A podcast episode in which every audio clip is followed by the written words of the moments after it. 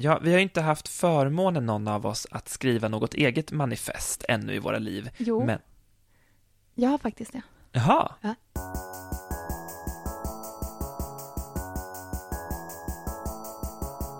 Vad är queer litteratur?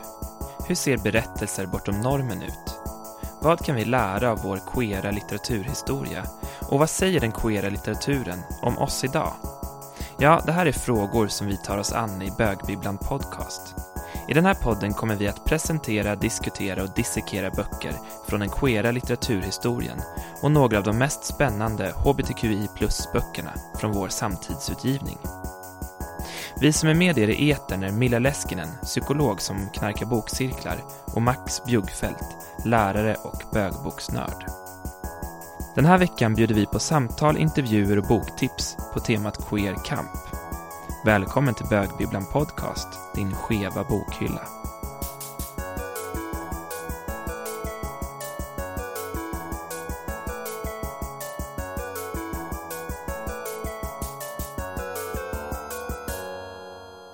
Vi är arga, inte snälla. Vi är homosexuella.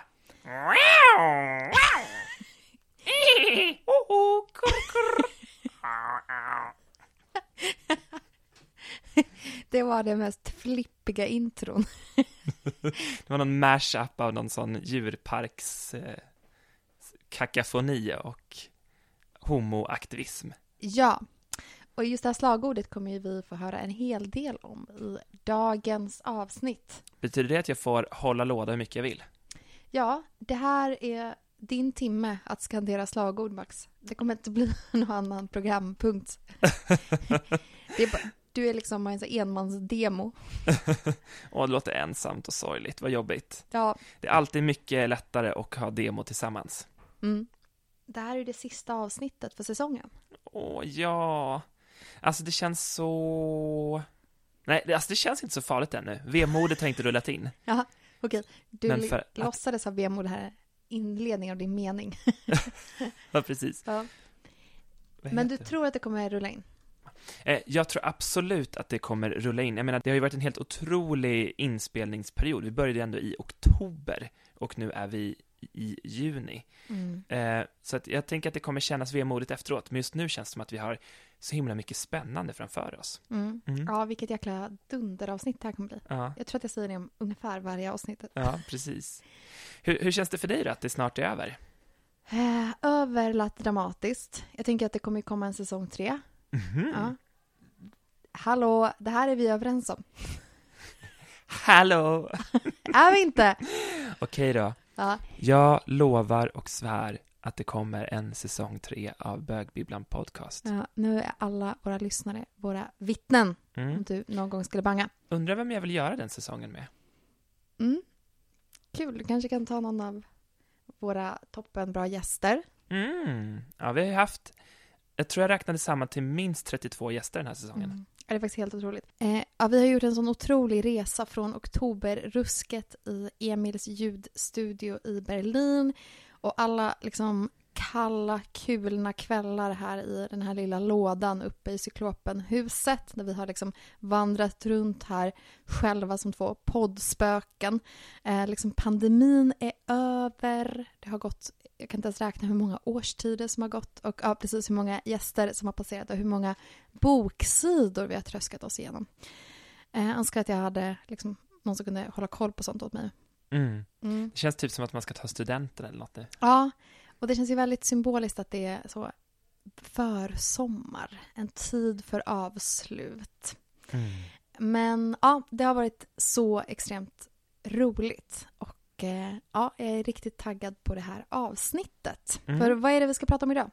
Dagens tema är queer kamp. Och eh, med det temat så vill vi undersöka vilka ord och texter har betytt någonting för den queera kampen, den queera förändringen, den queera rörelsen.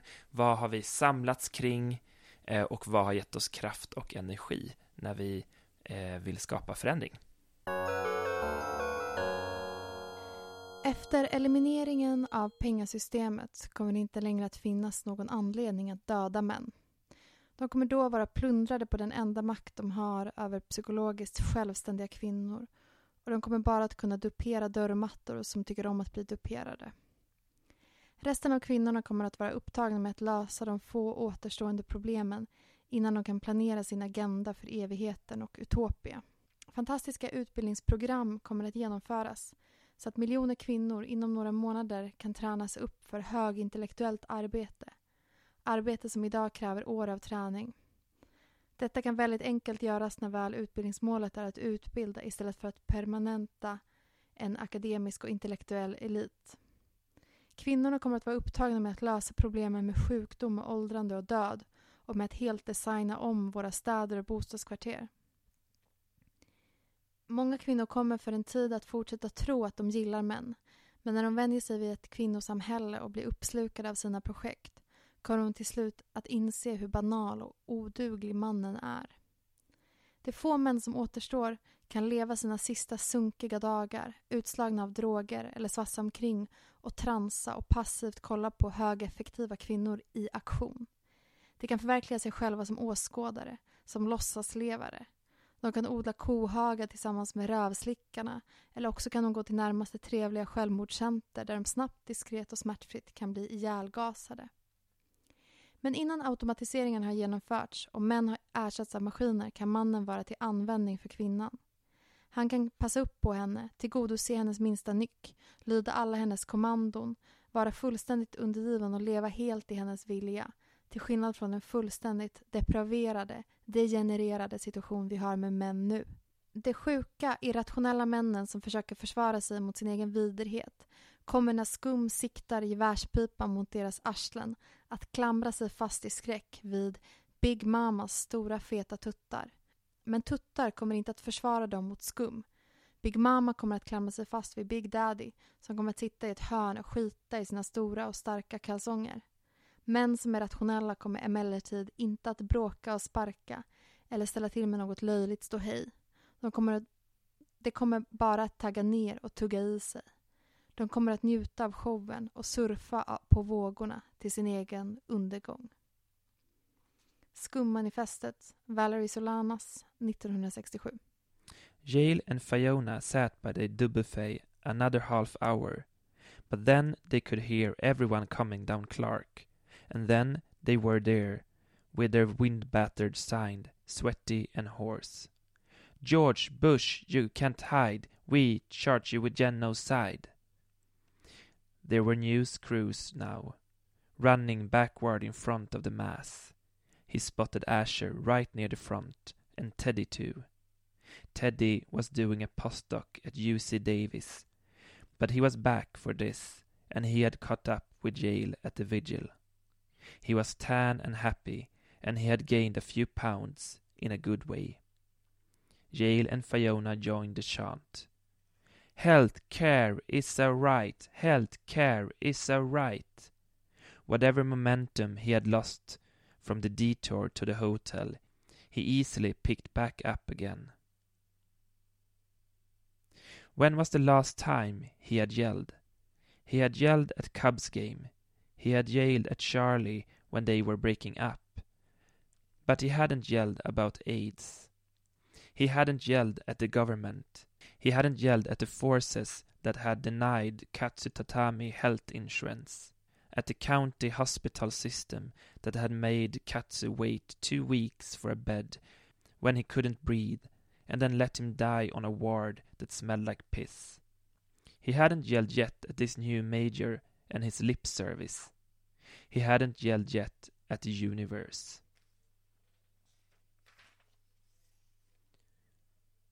Down here the Mounties paced, pushing everyone back. It was time, apparently, to sit down in the street. Asher said, You can't get out of here. You want to go? But he didn't. Fiona didn't want to either. Asher said, You've got a support person. Yale nodded. Didn't mention that Gloria was home in her apartment not out here ready to follow him to Yale. They say get back, the crowd was shouting.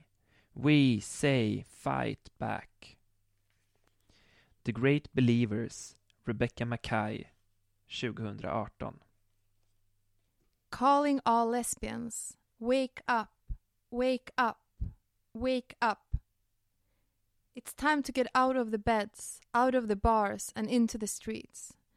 Time to seize the power of dyke love, dyke vision, dyke anger, dyke intelligence, dyke strategy. Time to organize and ignite. Time to get together and fight. We are invisible and it's not safe. Not at home, on the job, in the streets, or in the courts. Where are our lesbian leaders? We need you. We're not waiting for the rapture. We are the apocalypse. We'll be your dream and their nightmare. Lesbian power. Believe in creative activism. Loud, bold, sexy, silly, fierce, tasty, and dramatic. Arrest optional. Think demonstrations are a good time and a great place to cruise women. Don't have patience for polite politics. Are bored with the boys. Believe confrontation fosters growth and strong bones. Believe in recruitment. Not by the army, not of straight women. Are not content with ghettos. We want your house, your job, your frequent flyer miles. We'll sell your jewelry to subside our movement. We demand universal health insurance and housing. We demand food and shelter for all homeless lesbians. We are the 13th step. Think girl gangs are the wave of the future. Dyke Manifesto av Lesbian Avengers 1992. Jag vill inte avskaffa kön. Jag vill bara tömma begreppet på mening, göra det tomt och meningslöst. Ingen ska fråga nyblivna föräldrar, blev det en pojke eller en flicka? För det är irrelevant. Vi frågar inte för att vi är intresserade av barnets genitalier. Vi frågar för att vi vill veta om den ska ha rosa eller blå kläder. För hundra år sedan skulle pojken ha rosa, idag ska den ha blått. Jag vill att föräldrar inte väljer namn utifrån kön, för kön har blivit irrelevant. Jag vill inte att föräldrar ska bli förvånade om barnet i tonåren kommer hem med en flickvän, för kön har blivit irrelevant. Eller om barnet säger jag vill inte ha en snopp, jag vill ha en snippa. För kön har blivit irrelevant. Transkvinnors liv, erfarenheter och kroppar är viktiga, giltiga och vackra. Framtiden är vår och vi kan inte längre vänta på revolutionen. Varje gång vi lämnar lägenheten vinner vi. En armé av älskade kan aldrig förlora. Ett transfeministiskt manifest. Maria Hymna Ramnehill 2016. Min pappa hotade att döda mig två gånger. En gång när jag var fem år och en gång när jag var sex år. Han tyckte att jag betedde mig som en flicka. Han kallade mig för den billiga lilla bögen och jagade mig med en barnvagn. Jag försökte komma undan och det lyckades jag med. Men efter det behövde jag låtsas som att jag skämtade när jag klädde mig som en tjej. Jag lussade som Lucia för min familj som ett skämt. Fast egentligen skämtade jag inte. Egentligen ville jag komma ut som tjej. Långt senare kom jag ut som transkvinna. Jag var vuxen och hade flyttat hemifrån till en LSS-bostad. En dag lagade jag mat på min dagliga verksamhet tillsammans med en trevlig arbetskamrat. Jag berättade att min pappa sagt att min själ är helrutten. Min arbetskamrat sa, det är din pappas själ som är helrutten. För han förstår inte att du, Susanna, är du. Du är som du är, du är modig. Men mina föräldrar ville inte att jag skulle vara kvinna. De ville inte att jag skulle vara den jag är. Min pappa gick till kommunen. Han sa till dem att min LSS-personal skulle tvinga mig att vara en stor och stark herre, helt emot min egen vilja. Personalen gjorde som mina föräldrar sa. Jag sa ifrån. Jag sa ifrån till personalen på mitt boende. Jag sa ifrån till chefen på min dagliga verksamhet. Men det hjälpte inte. Ingen lyssnade på mig. Jag var ofta spänd och orolig för att mina föräldrar skulle göra något mot mig. En kväll såg jag ett tv-program om hedersrelaterat våld. Det är när föräldrar använder våld och hot mot en för att familjen inte ska få dåligt rykte.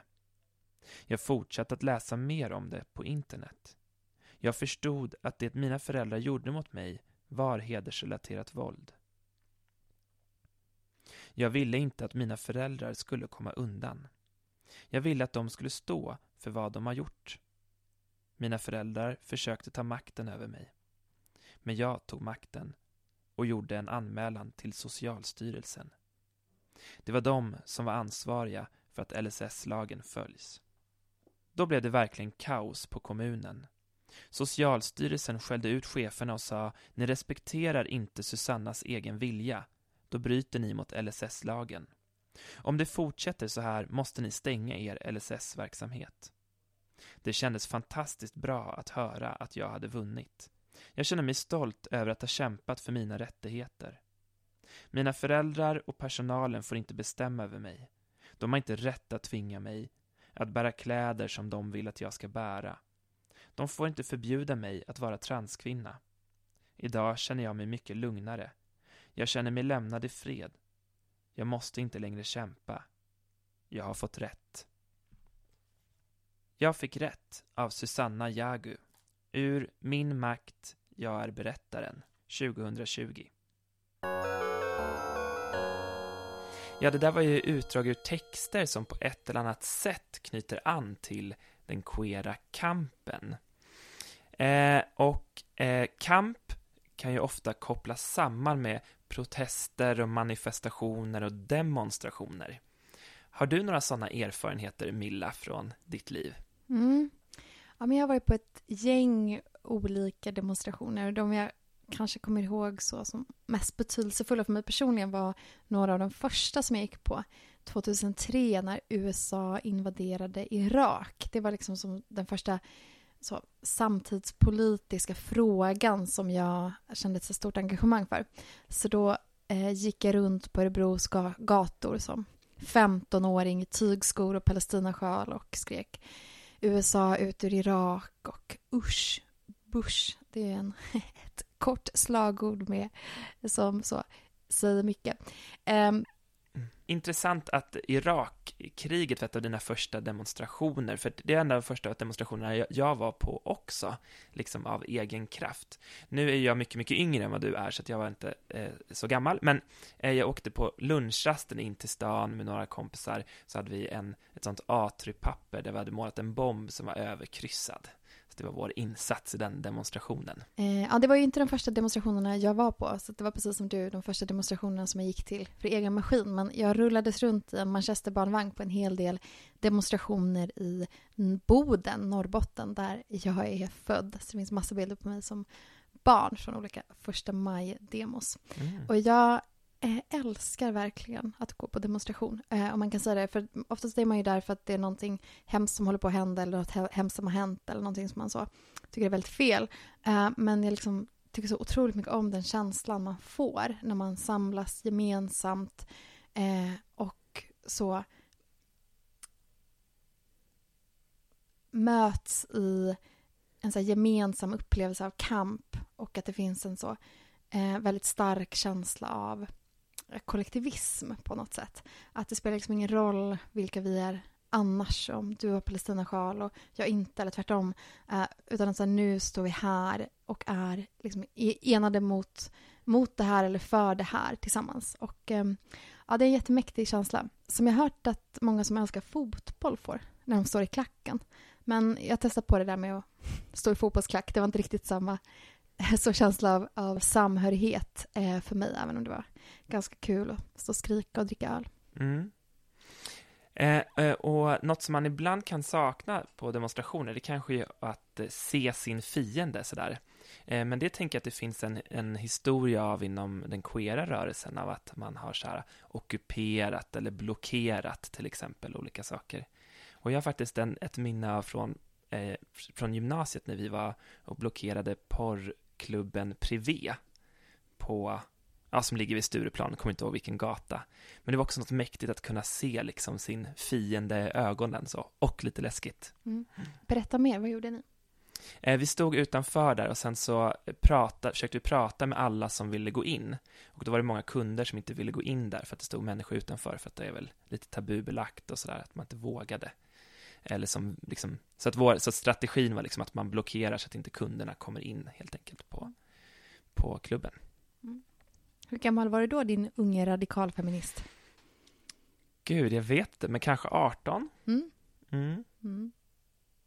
Men det var en liksom stor känsla av att kunna liksom känna att man ser förändringen på något vis. Mm. Eh, porrklubben Privé finns väl kvar tror jag, så att det, det var ju en väldigt kortvarig förändring. Mm. Eh, apropå att man kan protestera på många olika sätt så har ju vi klurat lite på det här med hur protester har sett ut i textform. Eh, vill du berätta lite mer om vad vi kommer fram till, Milla? Mm. Ja, men precis, vi kommer ju prata dels om texter eh, idag som har använts i den queera kampen. Men vi kommer också prata om texter eh, som liksom så gestaltar eller beskriver den queera kampen. Så Eh, det kan vara texter av olika slag. Alltså texter som har kanske tänt gnistor, som satt igång eldar, som verkligen fått till en sån här förändring som vi var inne på. Eller texter som kanske inte har varit så eh, snabbverkande som kanske mer är att jämföra med floderosioner som har brutit sig genom berg och på så sätt fått till stånd stora förändringar men över tid. Och jag tänker att många av de här texterna som vi kommer att prata om de har varit fundamentet i politiska rörelser som aktivister eller personer som har kämpat för olika saker har kunnat eh, enas kring eller organisera sig kring. Så det är alltså texter som dels har fått oss att sluta samman eh, som ett så fysiskt eller bokstavligt exempel på det kan ju vara när man, ja men som i mitt exempel där från USA ut ur Irak-demosarna 2003, att vi kan Uh, många människor kan ställa oss samman så här, fysiskt under eller så bakom en paroll i en demonstration. Men vi kommer också prata om texter som inte alls har fungerat på det här sättet utan texter som det snarare kanske har bråkats om och som eh, man inte har kunnat enas kring eller texter som snarare har belyst olikheter. Ett sånt här exempel på en historisk text, ju som det både har bråkats om men som oerhört många människor har enats kring, är ju en av de absolut mest inflytelsetexterna som någonsin har skrivits. Det kommunistiska manifestet. Så det är en text som man kan liksom inte ens föreställa sig världen idag utan den. Det är en text som verkligen har förändrat historiens gång. Och i det här avsnittet så ska vi prata om olika typer av text. Vi kommer prata om slagord, vi kommer prata om manifest, men också om skönlitterära texter och också sakprosa. Och vi har ju intresserat oss för den här typen av texter eh, dels för att de är intressanta, alltså inte bara som litteratur, eh, men de är också ett sätt för oss att förstå vår queera historia. Ja, men just ja.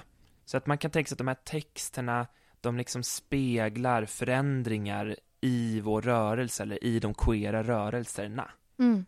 Ja, men precis. Att det, genom de här texterna så kan vi förstå vad det är för frågor som har varit viktiga för oss historiskt. Eller vad är det för saker som man har velat föra fram eller kämpa för eller så, vända sig emot. Och de här texterna som vi kommer att prata om, om allt ifrån ja, slagord och visor till så hela romaner. Och eh, de har såklart många olikheter men, men många av dem har också många likheter. Tänk att de alla på ett eller annat sätt handlar om motstånd. Och det finns en fiende, kan man säga, eller någonting som de här texterna så vänder sig emot och ibland talar till. Vissa av de här texterna är ju eh, och vill vara nyanserade, men många av dem eh, vill inte vara det, utan de vill tvärt emot liksom ha, ett, ha ett tydligt budskap. Och, eh, syftet är inte att så här, belysa saker kanske ur flera perspektiv, utan man vill eh, liksom så förändra någonting. Man vill kanske riva ner någonting och man vill inte då nödvändigtvis samtidigt bidra med lösningar. Och där är också texter som där där är också texter där avsändaren är särskilt viktig. Man tänker på vissa skönlitterära verk så spelar det kanske ingen roll vem den här författaren är för ens förståelse av verket, att det kan stå så för sig själv. Men här är avsändaren verkligen av så central betydelse. För att samma textrad kan betyda någonting helt annat om avsändaren är en annan person eller en annan politisk grupp. Och ett sånt eh, exempel på det är eh, Vi sintas folk, eller Vi är folket. Det här var någonting som människor i DDR skanderade 1989 på det man kallade då för måndagsdemonstrationerna som var demonstrationer som samlade stora delar av befolkningen mot alltså regimen i DDR. Den här parollen har nu kapats eller stulits av AFD, Alternativ för Deutschland, som är ett främlingsfientligt parti. Och där får ju såklart den här meningen en helt annan betydelse. Okej, så att likheterna, det handlar alltså om motstånd, att man har en, en fiende, att liksom med kraft uttrycka sitt budskap, så här, men kanske inte med finess direkt. Eh, och att det handlar om förändring och att liksom riva ner det som det gamla som man inte står för. Och att för att förstå de här texterna så behöver vi veta liksom vem det är som står bakom texten, för den kan betyda så olika saker. Mm. Det, har jag fattat rätt? Ja, mm. precis. Uh, och jag tänker att, uh, som jag redan varit inne på, att det här är texter som ofta fyller en viktig funktion för kollektivet. Alltså att genom de här texterna så kan vi mötas, vi kan sluta samman, vi kan enas, Eh, eller vi kan rikta vår frustration då mot en gemensam fiende. Eh, och de är kanske ännu mer än andra typer av texter, och litterära verk, eh, bara möjliga att förstå om man förstår den kontext de skrevs eller skapades i och uppstod i. Och en annan sak som jag tänker är intressant med den här typen av texter är att eh, vissa av dem har ett kollektiv som avsändare. Kanske en grupp personer som inte ens är möjliga att så identifiera eh, idag. Eller helt enkelt ingen avsändare. Och de vill ofta beskriva ett kollektivs erfarenheter snarare än att belysa så någonting som bara en enskild person har, har genomgått eller upplevt. Ja men ah, okej, okay, intressant. Visst, och man kan väl tänka sig att de här texterna också är eh, kontextbundna och ofta knutna till en specifik händelse, ett specifikt sammanhang, till exempel ja, men så här, protesterna mot USAs invasion av Irak, att det är väldigt så här, bundet till just den, den tiden och platsen. Så. Mm, just mm. det. Medan vissa av dem kanske har mer än så, en evig kvalitet, även om de kanske är skapade i ett specifikt sammanhang eller en specifik kontext. Mm, just ja. Eh, och precis som att texter kan vara bundna till specifika händelser kan också platser ju vara bundna till specifika händelser. Och det kommer vi få höra mer om nu. Onsdagen den 29 augusti 1979 steg det drygt 30 personer in på Socialstyrelsen och satte sig i trappan där de väktade ut en banderoll och ropade vi är arga, inte snälla. Vi är homosexuella. Nu ska sjukdomsstämpeln bort. Annars blir processen kort. Polisen larmades, ordväxling uppstod, vilket bland annat lett fram till att några homosexuella kvinnor och män ringt och sjukskrivit sig hos Försäkringskassan. En kvinna sägs till och med ha fått sjukpenningen utbetald eftersom hon var homosexuell. Den nya generaldirektören för Socialstyrelsen, Barbro Westerholm, har gått ut på trappan och satt sig med demonstranterna för att diskutera med dem och förstod snabbt vad som behövde göras. Hon har lovat att hjälpa dem och det har hon sannoliken gjort trots att hon har mött motstånd inom Socialstyrelsen. Eh, ja, så här lät det kanske i radio 1979. Just ja.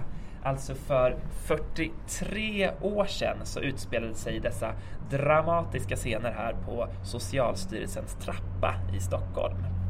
Och det är där vi är på besök idag.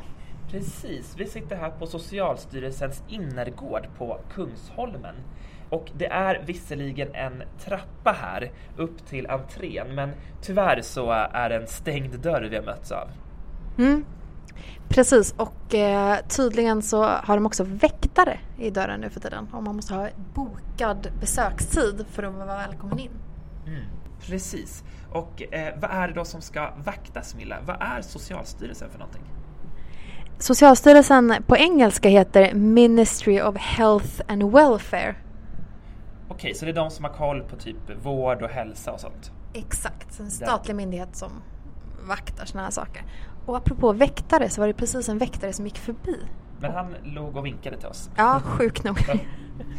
Ja, så Socialstyrelsen har hand om det här med vård och hälsa och då därmed liksom vad som klassificeras som sjukt eller inte sjukt och vilka som ska få tillgång till vård till exempel. Mm.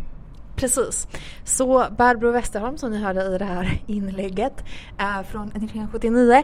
Hon var ju då generalsekreterare på Socialstyrelsen och eh, den här demonstrationen ägde ju rum i slutet på augusti 1979 och i mitten på oktober samma år så tog Socialstyrelsen bort sjukdomsstämpeln på homosexualitet. Homosexualitet eh, klassades alltså inte längre som en sjukdom. Just ja, och det här var ju någonting som man hade eh, kämpat för under lång tid i vad vi nu kanske kan kalla den homosexuella rörelsen. Även om den säkert var mycket bredare då. Precis, och RFSL hade ju drivit den här frågan under, från tidigt 70-tal. Och sen fanns det också andra aktioner. Som en eh, underbar aktion när eh, olika homosexuella personer ringde in till Försäkringskassan och sjukanmälde sig på grund av sin homosexualitet. Eh, och det var det vi fick höra här inlägget, att det sägs att en kvinna faktiskt fick sjukpenning för det här efter en långtidskamp, får man förmoda. Och även om den här kampen var lång så gick det ändå ganska fort efter ockupationen, eller hur? Ja, precis. Så det gick ju bara på en och en halv månad ungefär. Så intressant att se vad på något vis direktaktion kan göra. Och det här är inte den enda gången en ockupation har skett på Socialstyrelsen. Eller hur? Nej, det har ju hänt flera gånger. Till exempel 2012 så var det ett gäng aktivister här som demonstrerade mot tvångssteriliseringarna av transpersoner. Det slutade med att fyra personer faktiskt blev åtalade för olaga intrång. Så att de satt i receptionen och bland annat då delade ut flygblad. Mm. Så det här är med andra ord en plats dit queera personer har kommit under den queera historien och eh, protesterat mot eh, vad man anser är fel sjukdomsstämplar exempelvis. Då var vi tillbaka från vår utflykt till Socialstyrelsens trappa. Det är ju en plats som ju i allra högsta grad symboliserar den queera kampen i Sverige. Eh, och du har gjort lite research på andra viktiga händelser som fyller en viktig symbolisk funktion i den queera kampen historiskt sett. Ja men precis, för att eh, den queera kampen den har ju pågått länge och pågår ju liksom hela tiden. Men vissa händelser har på något vis gått till historien som symboler för någonting mycket större kan man säga. Och blivit till en del av vår gemensamma historieskrivning som vi liksom kan hämta kraft från och referera till och så och förstå samma saker. Eh, och man, man kan ju säga att hbtq-personer har ju alltid funnits. Men man brukar säga att från sekelskiftet och framåt så börjar man benämna eh, HBT-identiteter kan man säga vid namn. Eh, och det blev liksom identiteter som personer kunde förkroppsliga eller påta sig så. Eh, och, och, under första halvan av 1900-talet så fanns det liksom som utspridda öar av rörelser och grupperingar i västvärlden.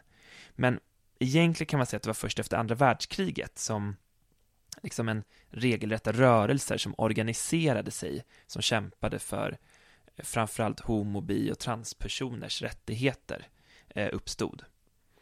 Eh, och, och, den här kampen som eh, de här grupperna har kämpat för har rört liksom allt från medborgerliga rättigheter, eh, frihet från våld och förtryck, för att få tillgång till vård eller, eller för möjligheten att öppet kunna visa sin kärlek.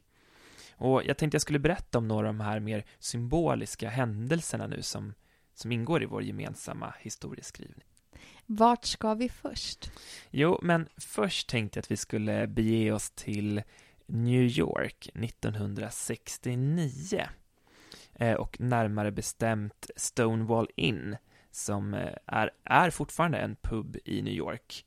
Eh, och eh, där skedde ju Stonewall Riots i juni 1969 som ju liksom har gått till historien som den händelse då hbtq plus-personer eh, på allvar för första gången gjorde motstånd mot den homofobi och transfobi som man utsattes för. Ehm, och, och, det var det liksom, det är såklart inte var absolut första gången, men det är verkligen en sån symbolhändelse som har stått ut i historieböckerna. Ehm, och man kan säga att under 60-talet i USA så hade en HBT-kultur eh, spridit sig, eh, liksom i framförallt de amerikanska storstäderna och framförallt liksom på öst och västkusten.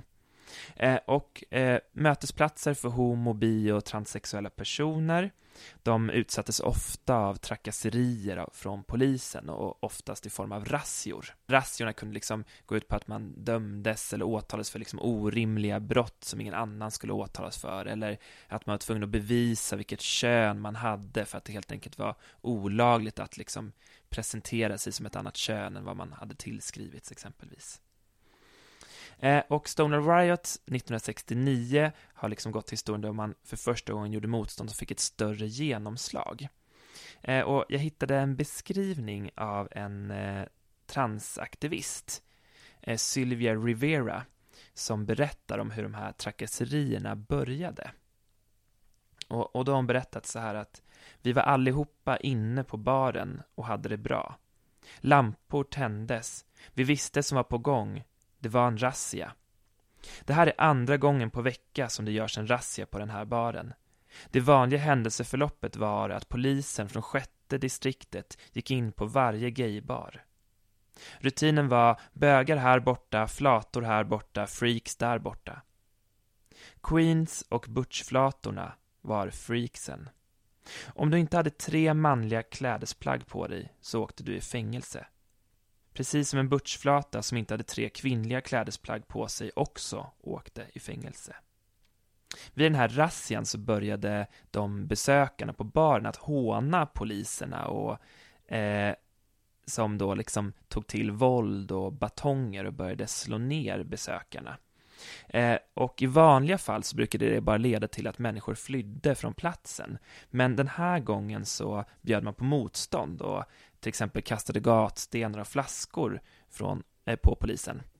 Och det resulterade också att det strömmade till människor från hela det här kvarteret och så småningom från andra delar av stan. Så det sägs att bara på några minuter så hade det liksom gått från 200 till 500 personer som gjorde motstånd mot den här polisstyrkan på typ sex polismän. Så. Eh, och eh, de här kravallerna som det ledde till fortsatte i flera nätter nätter i rad och fick liksom ett stort genomslag i media bland annat och blev en sån händelse som många kunde prata om och referera till och som kunde inspirera människor på andra platser också. Eh, och, och, ur de här händelserna så bildades bland annat Gay Liberation Front som blev en organisation som liksom ville byt, bryta mot de tidigare, eh, den tidigare aktivismen som var mycket mer sådär, eh, liksom ville vara eh, som, som snarare handlade om att skapa mötesplatser i tysthet, att, att liksom leva sin sexualitet i tysthet och osynlighet. Och Gay Liberation Front ville snarare liksom arbeta med synlighet och motstånd. Ehm, och, och Sylvia Rivera, som jag pratade om tidigare, hon, hon identifierade sig som drag queen och bildade eh, Street Transvestite Action Revolutionaries, eller STAR, Eh, tillsammans med sin eh, väninna Marsha P. Johnson. Eh, och de båda hade varit med vid det här upproret vid Stonewall eh, och deras eh, kamp kom också liksom belysa den rasism som fanns inom hbtq-rörelsen i USA vid den här tiden. Och det här eh, Stonewall-upproret liksom eh, uppmärksammas ju fortfarande genom våra Pride-parader. För det var eh, det som de första Pride-paraderna handlade just om att liksom eh, hölls på årsdagen av upproret och handlade om att liksom uppmärksamma queert motstånd eller hbtq-personers motstånd eh, mot homo, trans och queerfobi. Eh, och det här är liksom ett exempel på kollektiv kamp när många människor med olika bakgrund gemensamt gjorde motstånd. Eh, och eh, länge tillskrevs ju bögar äran för de här kravallerna och det här motståndet, men i själva verket så samlade upproret transpersoner och dragqueens och lesbiska och bögar som tillsammans bekämpade polisen eh, gemensamt. så. Ja, tack för den historielektionen, Magister Max. Jag tycker att det kan vara bra att påminna sig om och gå tillbaka till just de här berättelserna och de här vittnesmålen från Stonewall. För det är ju så otroligt långt ifrån så dagens Pride-parader med vet, olika så företag som har vagnar. Typ så här, eh, Schampomärket Vella har en lastbil på Pride varje år. Och, eh, och, och liksom att allt bara på något sätt handlar om så fest och eh, synlighet för, för olika företag. När man går i Pride-paraden, i alla fall här i Stockholm, Uh, så finns det ju inte en, som du har varit inne på, en så här fiende som man riktar något hat eller frustration kring. Utan det, för mig känns det i alla fall som att det handlar om så helt, helt andra saker idag. Uh, för man tänker på det som hände då på Stonewall så var det ju Ehm, ett liksom motstånd mot polisen och polisens repressalier och polisen som på något sätt kanske en symbol eller representant för så här, våldet och hatet som hbtq-personer liksom levde under eh, från liksom hela så samhället. Och att så här, den kampen eller det motståndet eh, är så svårt att kanske se speglat i Pride-paraderna så som de ser ut idag. Mm, absolut. Eh, och det är en otroligt viktig aspekt att vara medveten om på, under Pride-paraden. Absolut. Jag tänker för den som är, vill veta mer om Stonewall eh, och vad det betyder för många människor eh, så rekommenderar jag att kolla in Stonewall Memorial som ett minnesmärke som upprättades 50 år efter kravallerna och som också finns online. Där heter Stonewall Forever. Eh, och det är ett väldigt snyggt digitalt minnesmärke med många berättelser där man liksom får kontexten och historien och också hur eh, Pride har firats efteråt och bytt skepnad genom årens gång. Stonewall inspirerade HBT-personer i hela världen eh, och bland annat i lilla Örebro, din gamla hemstad Milla. Ja. Mm. Men det här var långt innan du föddes, så gammal är du inte. Mm. Men där bildades Gay Power Club One på, i början av 70-talet. Eh, och anledningen till att den hette just Gay Power Club One var för att det skulle vara den första i vad man tänkte sig skulle vara en lång radda klubbar som skulle heta Gay Power Club. Det här är ett helt otroligt namn på en förening. Underbart, ja. Eh, den 15 maj 1971 så arrangerade den här gruppen den första gay-demonstrationen i Sverige. Eh, den här demonstrationen skiljer sig ganska mycket från dagens Pride-parader. Det var en grupp om 15 män och kvinnor som samlades på ett torg i Örebro och gick en kort sträcka längs med trottoaren. Eh, och en av dem var Vanja Söderström och hon i, berättade i en intervju för, som hon gjorde för några år sedan i Aftonbladet om det. Och då säger hon så här att vi var nog cirka 15 personer, så där vi gick var det tyst och stilla. Det enda som talade för oss var plakaten vi hade. Förmodligen hade vi publik, men den publiken var lite återhållsam. Man visste väl inte riktigt. Ska jag våga applådera eller ska jag stå gömd bakom en tidning? Mm. Kan man tänka sig det för 51 år sedan, nu när man går på Pride i år kanske? Mm. Ja, det är en eh, svindlande tanke på hur nyss det ändå var och hur annorlunda det är idag. Och jag hade faktiskt ingen aning om det här när jag bodde i Örebro. Så så var det med den gayskolningen. Mm. Och jag som ändå är ganska queer-historienörd känner inte heller till det här förrän ganska nyligen faktiskt. Så, men det tycker jag verkligen är en del av vår gemensamma historia som är något att uppmärksamma och hedra och skänka en tanke då och då. Nu finns det faktiskt ett minnesmärke eh, avtäckt i år av konstnären Edith Hammar på Stortorget i Örebro för att hedra de här första 15 personerna. Mm, wow. Och den som vill läsa en skönlitterär skildring av deras kamp kan ju läsa Ett lyckligare år av Jonas Gardell, där den andra halvan av boken handlar om just den här gruppen. Eh, men från de här 15 personerna i Örebro så vill jag hoppa vidare i den queera historien till ett helt annat sammanhang. Nu ska vi tillbaka till andra sidan Atlanten igen, till den tredje March on Washington for Lesbian, Gay and Bi Equal Rights and Liberation som hölls 1993. Det här är liksom ett otroligt mäktig händelse i den queera historien. Det var den tredje demonstrationen i Washington som samlade otroligt många människor. Och det här var den allra största, eh, som man tror besöktes av mellan 800 000 och en miljon människor. Och det här var ju 1993, liksom före att bromsmedicinerna mot HIV och aids kom, så var det verkligen så här peak aids-epidemin.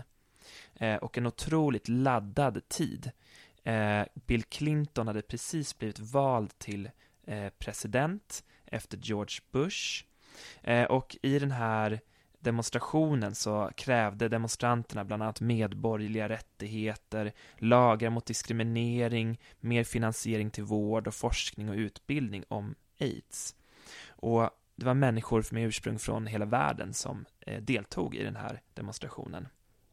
Och det här kan verkligen sägas vara en, liksom en, en händelse som kan symbolisera hur hbtq-rörelsen verkligen slog igenom medialt för att man fick så otroligt mycket uppmärksamhet och att till och med Bill Clinton, då presidenten i USA, eh, han var inte på plats men han liksom lovade, eh, gav politiska löften utifrån de krav som demonstranterna eh, förde fram. Löften som han i och för sig inte höll, men ändå. Och det här var ju liksom en händelse eh, som inte handlade om att göra motstånd mot polisen eller liksom att här demonstrerade man ju verkligen på liksom samhällets villkor kan man säga. Eh, om vi vandrar vidare i historien in på 10-talet så ser vi att här har ju liksom homo och bisexuella fått väldigt många rättigheter under de 20 eh, år som hade passerat. Eh, men i samband med det så eh, uppmärkte man också att homo och bisexuella var ganska bra på att glömma bort sina andra queera syskon. Eh, och eh, framförallt så kan vi säga att transpersoner lite lämnades åt att föra sin egen kamp på många sätt. Eh, I Sverige så var ju transpersoner, eller personer som ville gå igenom en könsbekräftande behandling och byta eh, personnummer, tvungna att sterilisera sig för att få sin vård och få möjlighet att byta personnummer. Eh, och i januari 2012 så anordnades en protest utanför riksdagen i Stockholm mot det här steriliseringstvånget. Eh, och 400 personer var på plats på den här demonstrationen och eh, det är framför allt ett tal som eh, Warren Kunz höll. Och i det här talet så sa han så här att den här debatten handlar om kroppar, transpersoners kroppar, denna kropp. Staten har gjort våra kroppar, de mest privata delarna av våra kroppar, till offentlig egendom. Staten har berövat oss på vår värdighet, vår kroppsliga självbestämmande rätt, vårt privatliv. Men idag tar vi våra kroppar tillbaka. Och under det här talet så tog Warren av sig sina klädesplagg, ett efter ett, så att han till sist var helt naken. Och genom att använda sin egen kropp i sitt tal så blev den också en symbol för talets budskap. Att frihet från tvångsingrepp är en mänsklig rättighet. Och inte så långt efter, 2013, så avskaffades eh, faktiskt den här steriliseringslagen. Ja, tack för de här viktiga och intressanta nedslagen i vår queera kamphistoria. Och den här kampen är ju såklart inte slut än utan fortsätter ju på många olika håll i världen och i många olika frågor också fortsatt här idag. Eh, om man vill läsa mer om queer kamp, vart ska man gå då? Mm. Jag har faktiskt några, ett gäng tips med mig här. Eh, mitt första tips det är en så här magnifik bok i storformat med massa bilder och berättelser från den eh, amerikanska eh, queerkampen. Den heter We Are Everywhere Protest, Power and Pride in the History of Queer Liberation av Matthew Reamer och Leighton Brown. Eh, och eh, de är historiker och driver också kontot LGBT History på Instagram, som är ett så här verkligt guldkorn på internet. Eh, så det rekommenderar jag verkligen varmt. Eh, och den som är intresserad också av den amerikanska historien och särskilt då kanske ögonvittnesskildringar eh, tycker jag ska kolla in Making History av Eric Marcus. Den kom 92 och sen i uppdaterad utgåva 2002, det heter Making Gay History. Och där har han intervjuat om det är 50 eller 60 aktivister och skildrar liksom den queera eh, rörelsens historia från 50-tal till 00-tal, typ så. Eh, och det är en sån oral history där man bara får läsa liksom, utdrag och intervjuer. Superspännande. Finns som podd också. Den har kanske lite få eh, eh, transpersoner lite dålig representation där. Men då finns exempelvis Transgender History också, Susan Striker som ett bra tips. Ehm, om man är nyfiken på den svenska hbtq-historien eh, så finns Undantagsmänniskor, en svensk HBT-historia av Svante Norrhems, Jens Rydström och Hanna Winqvist. Den är, skildrar den svenska HBT-historien. Eh, på ett väldigt bra och intressant sätt. Eh, men den kanske är lite akademisk, vill man ha någonting lite mer tillgängligt och direkt så tycker jag också att Queera tider av Edvard Summanen ett superbra tips verkligen.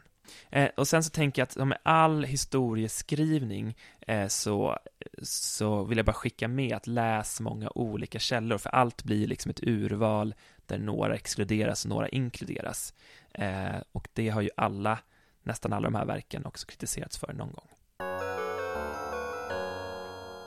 Du har lyssnat på del 1 av Bögbibblan Podcast, säsong 2, avsnitt 7, Queer Camp. De andra delarna hittar du där du lyssnar på dina poddar. Vilka som har varit med och gjort det här avsnittet möjligt, det berättar vi efter den sista delen.